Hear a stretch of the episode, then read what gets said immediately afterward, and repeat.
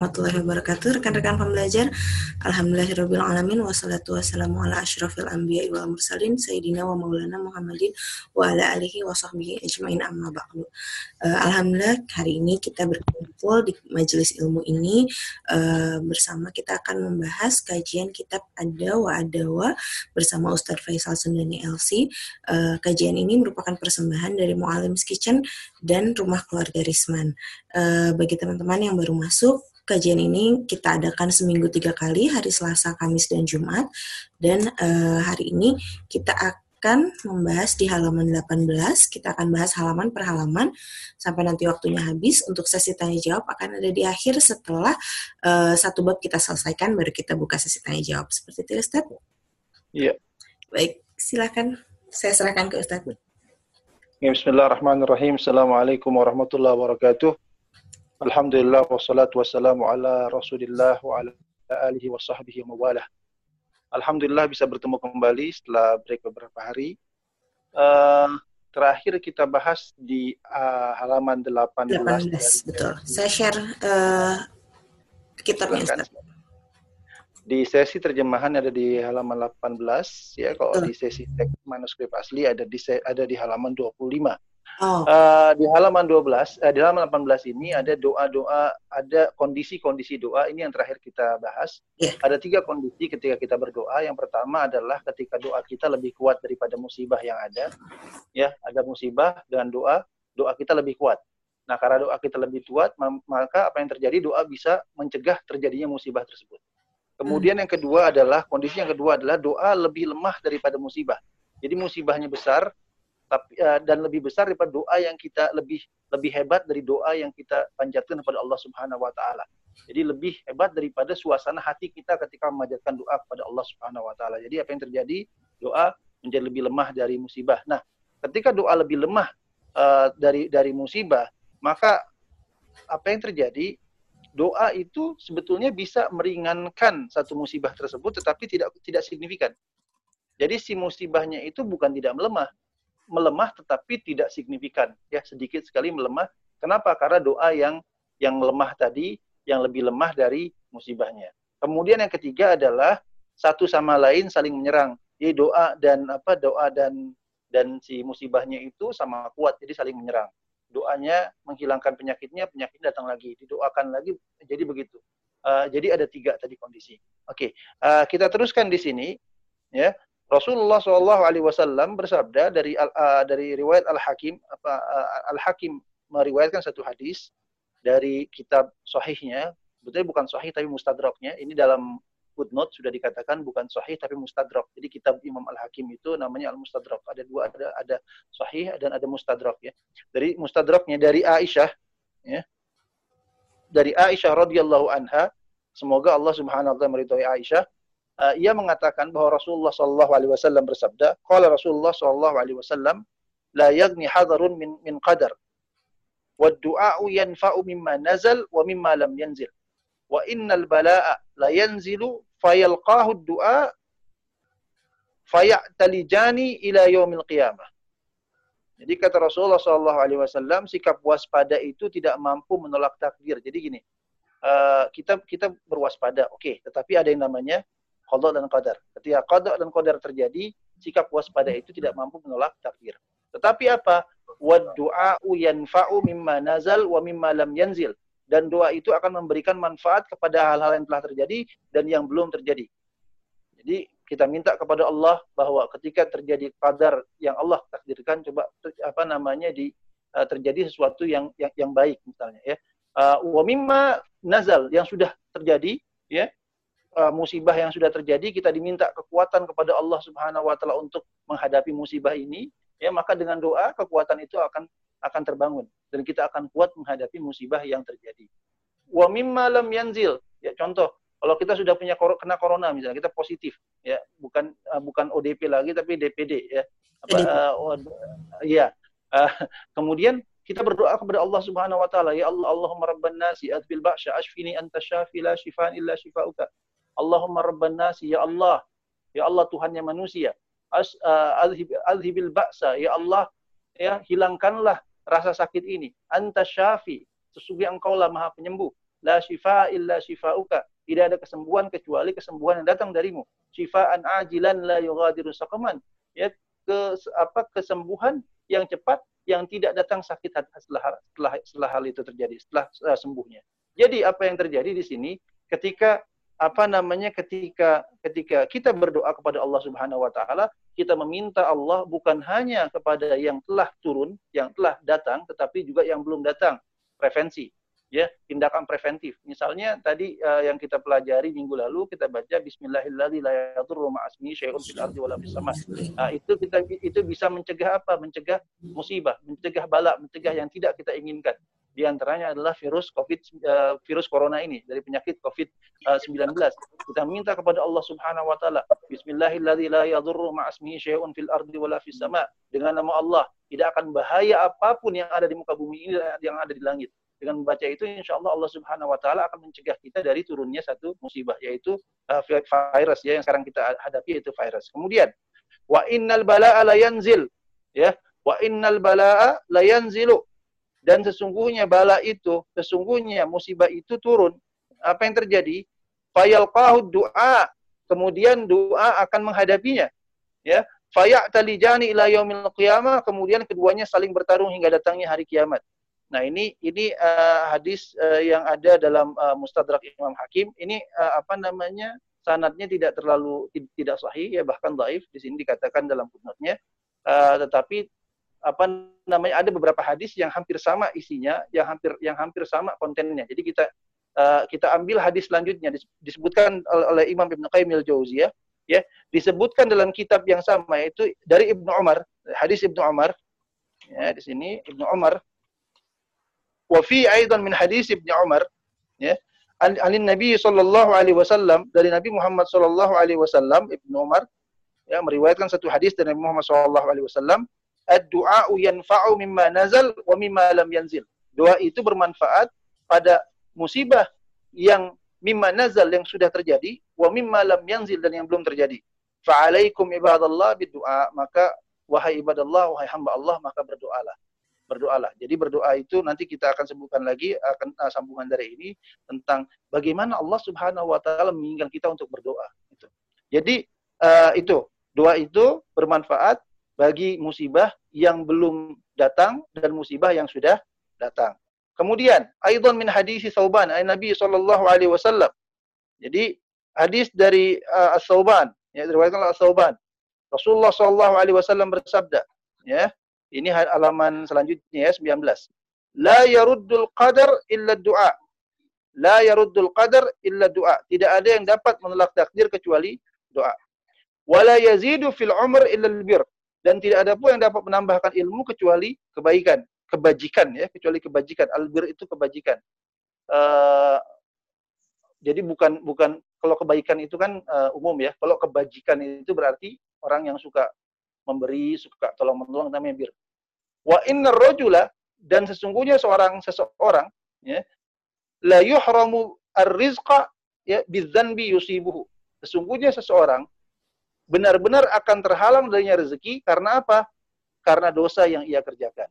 Oke. Okay? Di sini ada tiga poin. Yang pertama adalah poin yang pertama ini mungkin agak sedikit uh, complicated, yaitu Rasulullah bersabda bahwa tidak ada yang bisa menolak takdir kecuali doa. Apa yang maksud tidak ada yang dapat menolak takdir kecuali doa? Apakah takdir bisa ditolak gitu loh? Jadi uh, takdir itu ada takdir yang azali. Takdir azali itu yang ada di Lauhil Mahfud itu tidak bisa diganggu gugat. Hmm. Ya. Ada takdir takdir umri, ada takdir yaumi, takdir per hari. Itu yang bisa dirubah oleh oleh Allah uh, apa uh, dengan adanya doa.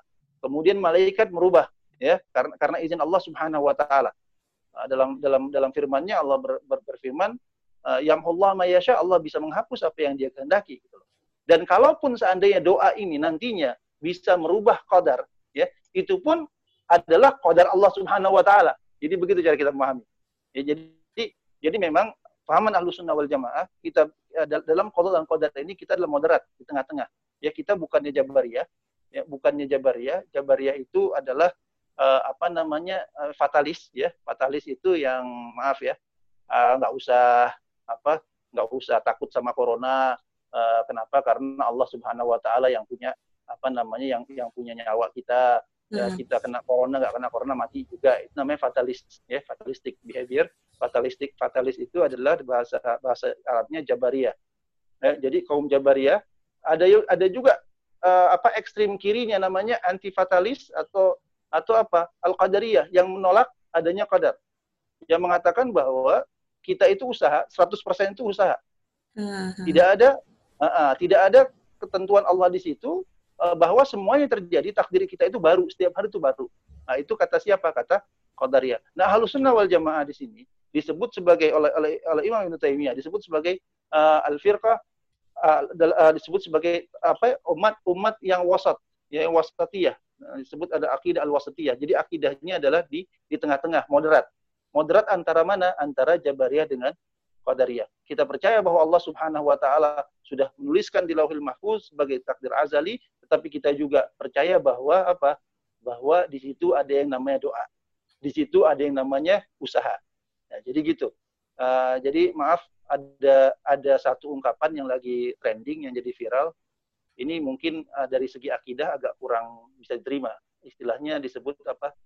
Uh, usaha tidak mengkhianati hasil atau hasil tidak mengkhianati usaha. Apa namanya itu? Ada itu eh, lagi viral. Hasil tidak mengkhianati proses biasanya. Nah, hasil tidak mengkhianati proses. Nah, itu sebetulnya dilihat dari sisi ini uh, itu terlalu terlalu anti fatalis. Yeah. Akan-akan hanya hanya proses gitu loh, tetapi di situ tidak ada doa, tangan ya, doa dan takdir Allah. Tangan Allahnya tidak ada di situ. Apa namanya? Uh, uh, satu satu keterlibatan Allah Subhanahu wa taala tidak disebutkan dalam ungkapan itu. Jadi ungkapan yang bahaya ya sebetulnya itu. Uh, tetapi apa pun di sini Rasulullah SAW mengatakan bahwa la yaruddul qadar illa illa ad-du'a. Jadi kalau kalau kalau apa disebut uh, Ibnu uh, Ibnu uh, Ibn Baz mengatakan bahwa yeah. uh, doa itu ya doa itu adalah salah satu ikhtiar juga usaha. Ya, hmm. usaha ya. Uh, terus kenapa usaha? Karena ada yang namanya kadar al-muallaq, yang kadar yang bisa tadi, yang berubah dengan doa-doa tadi. Nah, ada kadar mu'alak, ada kadar yang yang mubram. Yang mubram itu adalah yang fix. Yang tadi saya katakan yang azali, yang sudah ditulis uh, 50 ribu tahun sebelum kita di, dilahirkan. Uh, hmm. Jadi itu karena ada juga yang namanya sanawi, ya kadar sanawi. Takdir sanawi itu kapan? Lailatul Qadar ini. Lailatul Qadar itu kan uh, setiap Lailatul Qadar ya, takdir situ di uh, dalam satu tahun itu ditentukan oleh Allah Subhanahu wa taala, ya kan? Jadi jadi uh, yang yang uh, intinya adalah kita menghadapi segala peristiwa, segala event, segala fenomena yang ada itu dengan akidah al-sunnah wal jamaah, yaitu dengan sikap moderat. Kita tidak menafikan adanya qadar dan qadar, tetapi kita percaya bahwa Allah subhanahu wa ta'ala ya telah menciptakan qadar dan qadar. Allah telah menentukan qadar dan qadar. Bahkan, hal pertama yang Allah ciptakan adalah al-qalam. Apa yang dilakukan dengan al-qalam itu? Ya, menulis aqdarun nas. Ya, qadar dan qadarnya manusia. Jadi kita percaya itu itu bagian dari rukun iman iman kepada al-qadha dan qadar. Jadi ada kalau misalnya ada kelompok uh, apa kelompok orang yang tidak percaya dengan qadar dan qadar berarti dia sudah keluar daripada al-sunnah wal jamaah. Karena uh, kita percaya bahwa ada al-iman bil qadha wal qadar. Tetapi cara mengimaninya tidak juga fatalistik, ya, tidak fatalistik. Jadi tidak tidak terlalu fatalis. Ya, oke okay lah gimana Allah dan lain sebagainya, tetapi ada apa? Tetapi ada ada unsur usaha dan dan doa juga, ya. Jadi hmm. itu. Kemudian yang keduanya, wala yazidu fil umri illal bir.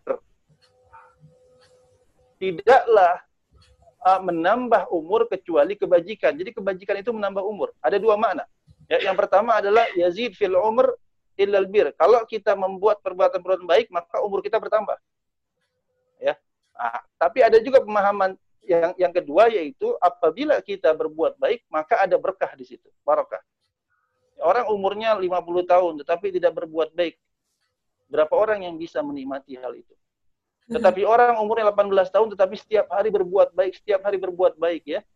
Umurnya lebih panjang. Kenapa? Karena ada berkah di situ. Ada keberkahan dari umur. Jadi umurnya bermanfaat bagi manusia. Karena khairun nas anfa'uhum linnas. Sebaik-baik manusia adalah yang paling bermanfaat bagi manusia. Itu yang kedua. Kemudian yang ketiga, poin yang ketiga, Wa innar rajula la yuhramu birrizqi bidzanbi yusibuhu. Sesungguhnya seseorang itu ya bisa diharamkan dari rezeki, bisa dijauhkan dari rezeki karena apa? Karena adzanbu bidzanbi yusibuhu karena dosa yang dia apa namanya yang dia uh, kerjakan. Banyak yang bertanya Ustaz, banyak orang yang yang kerjaannya berdosa tapi kok kaya-kaya. Di sini karena kita salah mengartikan rezeki. Rezeki itu bukan cuma mobil yang mewah, bukan cuma uh, apa uang berapa digit lebih banyak uh, dari kita, uh, bukan cuma rumah yang mewah ya. Rezeki itu ya, rezeki itu bagaimana Allah memberikan kemudahan kita untuk berbuat baik. Itu rezeki juga. Ya, bagaimana Allah memberikan kita hal-hal yang baik Bagaimana Allah memberikan kita anak-anak yang soleh itu rezeki juga. Bagaimana Allah memberikan kita waktu yang bermanfaat itu rezeki juga. Bagaimana Allah memberikan kita kesehatan yang luar biasa itu juga rezeki juga. Jadi kalau kita melihat rezeki dari beberapa aspek, kita akan selalu husnuzon dengan Allah Subhanahu wa taala. Contohnya, kita melihat orang yang sering bermaksiat tetapi dia kaya. Kita tidak lantas berkata bahwa Nabi Muhammad katanya orang yang yang yang yang bermaksiat jauh dari rezeki. Kok rezekinya kok bagus? Bagus apa? Karena kita melihat dari satu sisi saja. Kita tidak melihat dari sisi lain. Karena rizki yang terbesar adalah hidayah dari Allah Subhanahu wa taala. Nah, itu itu mesti dicamkan.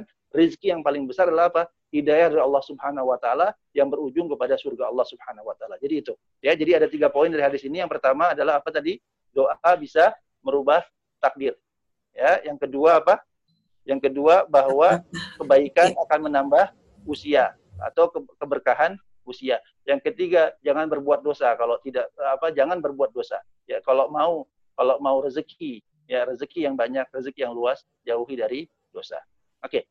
Kemudian Imam Ibnu Qayyim al-Jauziyah mengatakan, ini dalam satu pasal selanjutnya adalah uh, ada sikap al-ilhahu al-ilhahu fid du'a. Al-ilhah itu artinya terus menerus dalam berdoa. Jadi kalau kita berdoa itu diulang, diulang, diulang, diulang. Nah, itu itu siapa? Itu itu kata Ibnu Ibnu Ibnu Qayyim Jauziyah mengatakan bahwa uh, di antara adab berdoa adalah terus-menerus dalam berdoa. Kita berdoa terus terus terus terus terus. Karena Allah itu tidak seperti makhluk. Ya, kalau makhluk kita diminta oleh kita diminta datang orang, kalau anak kita datang minta mainan ya, contohnya anak saya minta motor tiap hari, minta minta mobil-mobilan tiap hari. Itu bisa minta uh, minta mobil ayah minta mobil, ayah minta mobil, ayah minta mobil, ayah minta mobil. Pusing ya kenapa karena kita bukan ya, ya kita bukan bukan ar-razzaq ya tetapi Allah Subhanahu wa taala justru suka ketika hamba mengulang permintaan mengulang-ulang ya nanti akan kita bahas lagi oke okay. uh, eh, di sini dikatakan al ilhah fid du'a ya oke okay. wa min anfa'il adwiyah al ilhahu fid du'a Sikap terus-menerus berdo dalam berdoa termasuk obat penawar yang sangat bermanfaat. Ini kata Ibnu Qayyim al-Jauziyah. Jadi si, uh, apa doa apa uh, obat penawar yang sangat bermanfaat adalah doa yang terus-terus menerus ya. Ibnu Majah dalam sunannya ya meriwayatkan sebuah hadis Rasulullah SAW alaihi wasallam bersabda, Rasulullah SAW bersabda, "Malam yas'alillaha yaghdab alaih." Barang siapa yang belum meminta kepada Allah Subhanahu wa taala, maka Allah akan murka kepadanya. Jadi beda dengan manusia. Kita kalau banyak diminta kita murka. Tetapi Allah kalau kita tidak minta maka Allahnya yang murka. Kenapa? Sombong kalau kita nggak minta. Ya, itu pertama. Yang kemudian disebutkan dalam Sahih Al Hakim, ya, dalam Sahih Al Hakim dari Anas bahwasanya Nabi Muhammad SAW alaihi wasallam bersabda, "La ta'jazu fid du'a." Janganlah kalian lemah dalam berdoa. Kenapa? Fa innahu la yahliku ahadun. Sesungguhnya tidak ada orang yang binasa karena doa. Karena doa orang tidak ada yang binasa.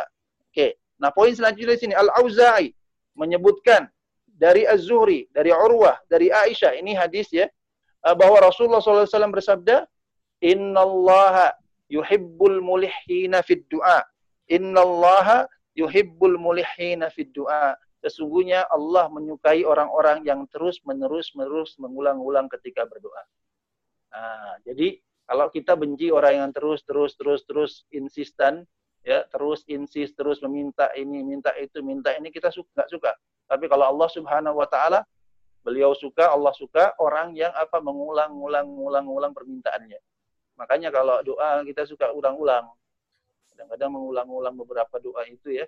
Rabbi habli minas salihin Rabbi habli minas salihin Rabbi habli minas atau Rabbana hablana min azwajina wa dzurriyyatina qurrata a'yun waj'alna lil muttaqina imama. Dibaca tiga kali. Kenapa? Karena innallaha yuhibbul mulihina fid du'a. Allah menyukai orang yang terus terus mengulang-ulang ketika berdoa. Oke. Okay.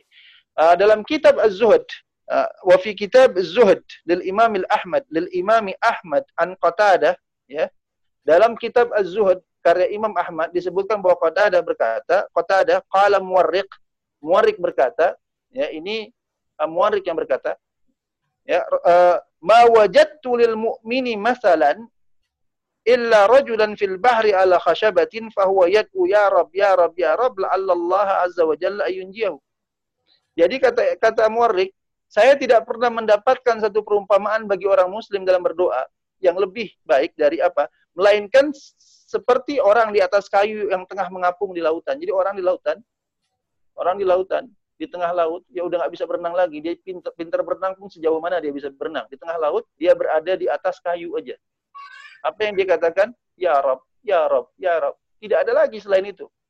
Jadi kata kata Muarik tidak ada lagi saya mendapatkan satu perumpamaan bagi orang muslim dalam hal berdoa melainkan seseorang di atas kayu yang tengah mengapung-ngapung di lautan. Jadi begitulah kalau kita mau berdoa, ibaratkan kita sedang mengapung di atas lautan, ya. Nah, kemudian apa? Ya Rob, Ya Rob, Ya Rob. Kenapa dia berkata itu? Karena apa? Karena dia berharap semoga Allah menyelamatkannya. Karena tidak ada lagi jalan untuk selamat kecuali dari dengan dengan dengan dengan pertolongan Allah Subhanahu wa taala. Ya Rob, ya Rob, ya Rob, itu saja. Ya, jadi baca itu, baca itu, baca itu karena tidak ada lagi. Dia nggak mungkin berenang ya. Uh, terlalu jauh. Mau maju cuman di atas sebatang kayu ya kan? Jadi bagaimana dia maju? Nah, jadi jadi ini perumpamaan seorang muslim ketika berdoa mestinya dia memposisikan dirinya sebagai seseorang di tengah lautan yang berada di atas kayu, sebatang kayu, dan tidak tidak ada daya dan upaya selain berkata ya Rob, ya Rob, ya Rob. Itu saja. Ya, ini ini apa sifat apa? Sifat al-ilhah yaitu mengulang-ulang dalam berdoa. Nah, di antara satu kesalahan, di antara kesalahan dalam berdoa dikatakan oleh Imam Ibnu Qayyim al-Jauziyah ya, min afatid doa dari kesalahan-kesalahan doa ya yang yang yang yang membuat doa tidak terkabul adalah apa? Wa minal afatil lati tamna'u tarattubu athari du'a alaihi ayyasta'jil al-abad. Dikatakan bahwa salah satu kesalahan yang dapat menghalangi keterkabulan doa adalah tergesa-gesa seorang hamba. Ya. Ah, fayastahsiru wa yada'u du'a. Ia menganggap doanya sudah langgap sudah tidak dikabulkan lagi. Apa yang terjadi?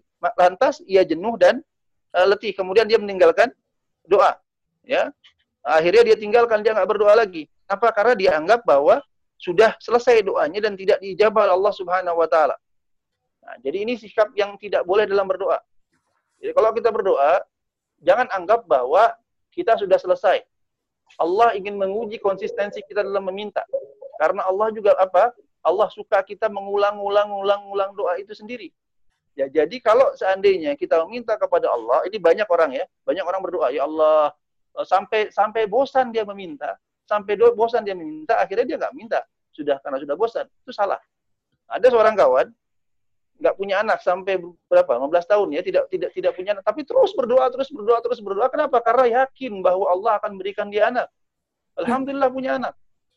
Setelah belasan tahun berdoa kepada Allah Subhanahu wa taala akhirnya punya anak Nah, kalaulah kita memakai satu logika atau satu satu satu sikap-sikap yang yang tergesa-gesa, tentunya setelah beberapa tahun kita berdoa, apa yang terjadi? Kita selesai dan kita tidak berdoa. Nah, kata Ibnu Qayyim al-Jauziyah di sini bagus sekali ibaratnya dia katakan bahwa ya ini ibarat kata Ibnu Qayyim ya, orang yang menabur benih atau menanam tanaman kemudian ia menjaga dan menyiraminya namun karena mereka merasa terlalu lama menunggu hasilnya, orang itu pun membiarkan dan mengabaikan tanaman tersebut. Kita berdoa berapa tahun? Tujuh tahun. Nah, selama itulah kita menanam. Ya, Nah, kita merasa menanam tujuh tahun itu terlalu lama. Akhirnya apa? Kita tinggalkan tanaman tersebut.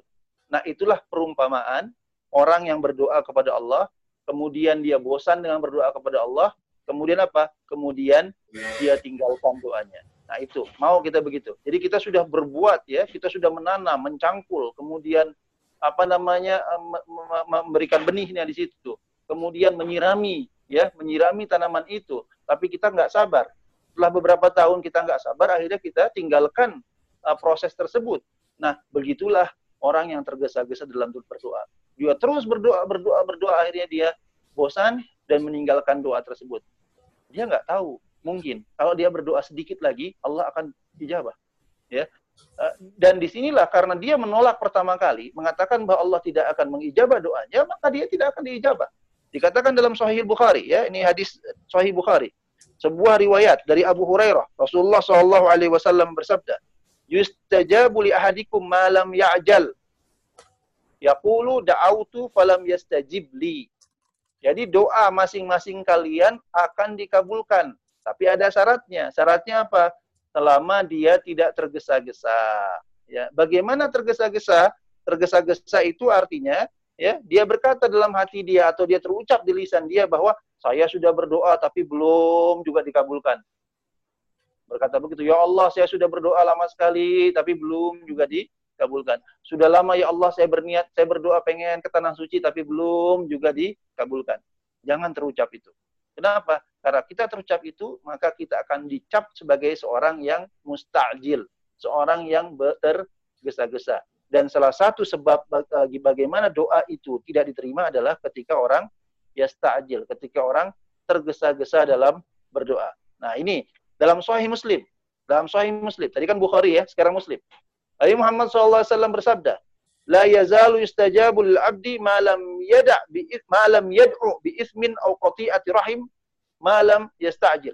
Qila ya Rasulullah, wa mal isti'jal? Qala yaqulu qad da'awtu wa qad da'awtu falam ara yastajibu li fayastahsiru inda dzalika wa yad'u du'a. Jadi doa seorang hamba akan senantiasa terkabul selama dia tidak berdoa untuk kemaksiatan. Ya, jadi ada beberapa. Satu, dia tidak berdoa untuk kemaksiatan. Bagaimana doa untuk kemaksiatan? Ya doa-doa yang mengandung hal-hal yang tidak baik. Yaitu ya, apa mengandung hal-hal yang yang maksiat. Contoh ya, ya Allah, cewek cakep banget, jadikan dia pacarku. Nah, itu salah karena maksiat. Tapi kalau doanya ya Allah, ya jadikanlah dia istriku, itu tidak maksiat. Ya, itu cuma beda beberapa proses ya. Uh-huh. Itu beda maksiat dengan tidak maksiat. Kalau kita mintanya jadikan dia uh, apa pacarku, jadi maksiat. Kalau jadikan dia istriku, nggak jadi maksiat. Oke. Okay. Yang yang kedua, doa untuk memutuskan silaturahim. Ya, ini mendoakan kakaknya sendiri misalnya. Nah, ya Allah jauhkan dia.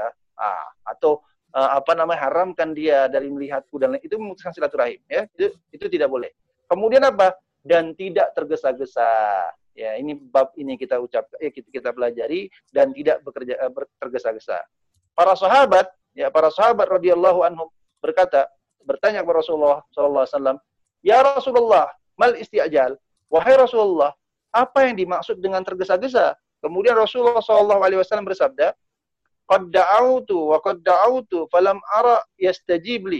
Aku sudah berdoa, berdoa, berdoa tetapi aku tidak melihat bahwa Allah Subhanahu wa taala mengijabah doaku, mengabulkan doaku. Ya. Fayastahsiru inda dzalik wa yad'u. Kemudian dia merasa doanya sudah selesai dan dia selesaikan, tidak lagi mau ber, berdoa. Jadi eh, apa namanya?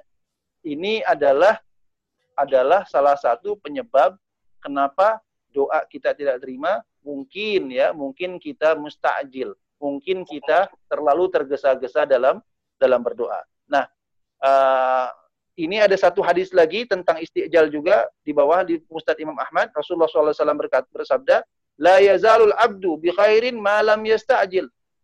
Tidaklah seseorang itu ya berada dalam kebaikan selama dia tidak tergesa-gesa. Ya, orang itu akan senantiasa berada dalam kebaikan selama dia tidak tergesa-gesa. Qalu ya Rasulullah, ya kaifa yasta'jil? Wahai Rasulullah, bagaimana orang itu tergesa-gesa?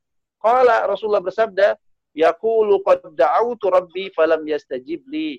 Ya Allah, ya aku sudah menol eh, berdoa kepadamu tapi Allah belum mengabulkan doaku. Jadi ini poin terakhir yang kita bicarakan pagi hari ini yaitu jangan tergesa-gesa dalam berdoa. Saya ingatkan saya ingatkan satu satu perumpamaan yang diberikan oleh Imam Ibnu Qayyim al-Jauziyah berkata bahwa orang yang tergesa-gesa dalam berdoa, kemudian meninggalkan doanya karena merasa bahwa doanya tidak diterima oleh Allah Subhanahu wa taala, seumpama orang yang menanam, orang yang menabur, menabur benih, menyirami tanamannya, ya, kemudian meninggalkan tanamannya, setelah bertahun-tahun dia menanam. Kenapa? Karena karena menyangka bahwa tanamannya tidak akan menghasilkan apa-apa. Dan semoga Allah Subhanahu wa taala tidak menjadikan kita sedemikian. Semoga Allah Subhanahu wa taala dengan Ramadan ini kita terus menjadikan kita sebagai hamba yang terus ingin untuk berdoa kepada Allah Subhanahu wa taala, apalagi di hari-hari yang baik ini uh, jangan lupa untuk terus berdoa, berdoa untuk apa saja? Kebaikan kita, kebaikan kita sendiri atau kebaikan negeri kita sendiri. Jadi begitu saja ya, saya kembalikan kepada moderator. Silahkan. Ya baik, Alhamdulillahirrahmanirrahim, jazakallah khairan kasiran Ustadz. Jadi uh, seperti yang sudah dikatakan tadi bahwa kita harus terus menerus berdoa karena Allah senang hambanya yang berdoa dan tidak tergesa-gesa dalam berdoa. Jadi harus sabar bahwa, uh, pada saat memang uh, apa namanya uh, doanya belum dikabulkan. Mudah-mudahan di 10 hari terakhir ini uh, doa kita dikabulkan oleh Allah, dimudahkan dalam segala ibadah yang kita lakukan. Baik, seperti itu Ustaz. Uh, kita ya, tutup pertemuan hari ini. Ya, insya Allah. Ya, baik. Insya Allah kita ketemu lagi hari Kamis. Insya Allah, insya Allah. Oke, baik. Alhamdulillah. Insya Allah, uh, rekan-rekan pembelajar kita bertemu lagi di hari Kamis jam 10. Uh, eh, semoga semuanya sehat, diberikan umur yang panjang, dan diberikan rezeki untuk kita berkumpul lagi di majelis ilmu ini. Baik, uh, saya tutup dengan doa uh, akhir majelis. Subhanakallahumma bihamdika asyhadu an la ilaha illa anta astaghfiruka wa atubu. Uh, mohon maaf lahir dan batin atas segala kekurangan. Terima kasih atas kehadiran rekan-rekan pembelajar semua. Assalamualaikum warahmatullahi wabarakatuh. Waalaikumsalam warahmatullahi wabarakatuh.